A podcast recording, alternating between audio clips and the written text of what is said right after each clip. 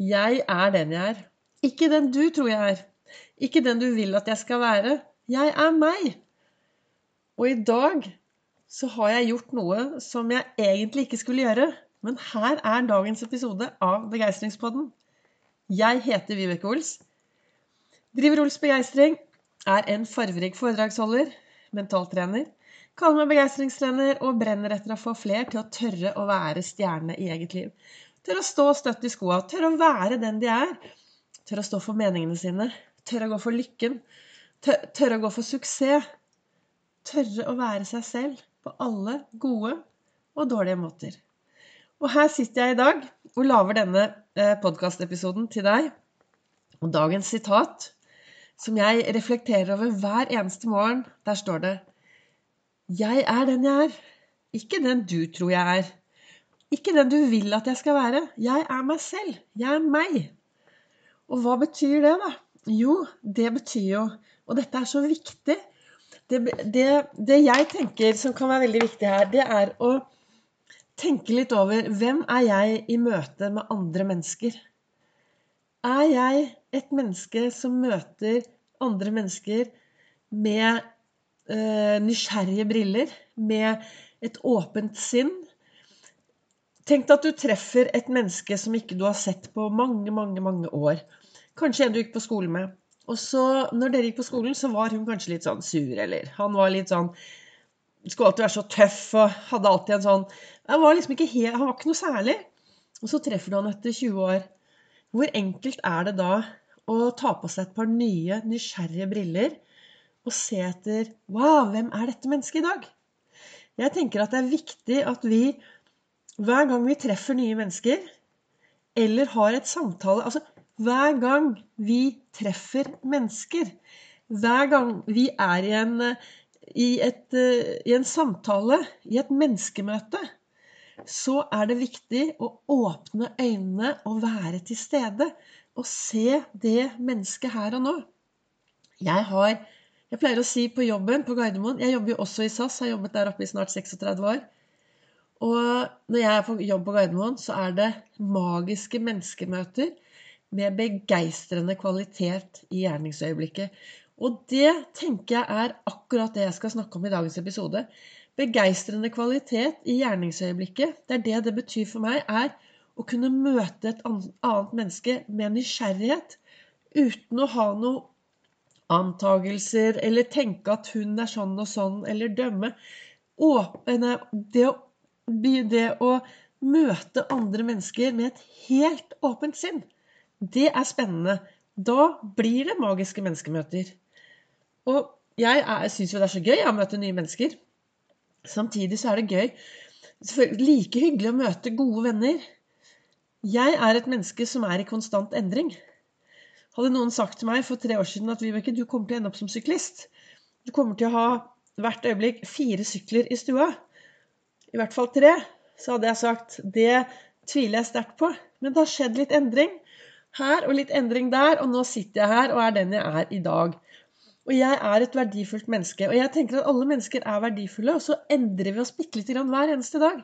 Så om vi kan bli flinkere til å møte de menneskene vi møter på vår vei, med et skikkelig åpent sinn, da blir det magiske menneskemøter.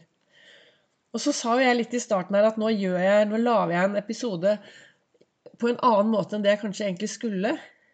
Kanskje jeg gjør noe jeg egentlig ville.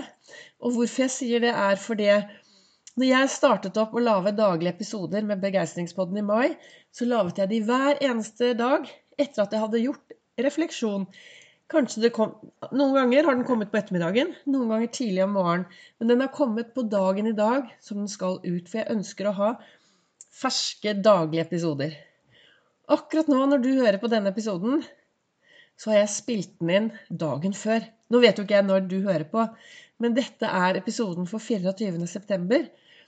Og det som er, er at akkurat 24.9. så er jeg Jeg skal til Halden dagen før. I dag, når jeg spiller den inn. Og så skal jeg gjøre mye hygge i Halden. Og så skal jeg dra videre fra Halden til et annet sted sammen med noen hyggelige folk.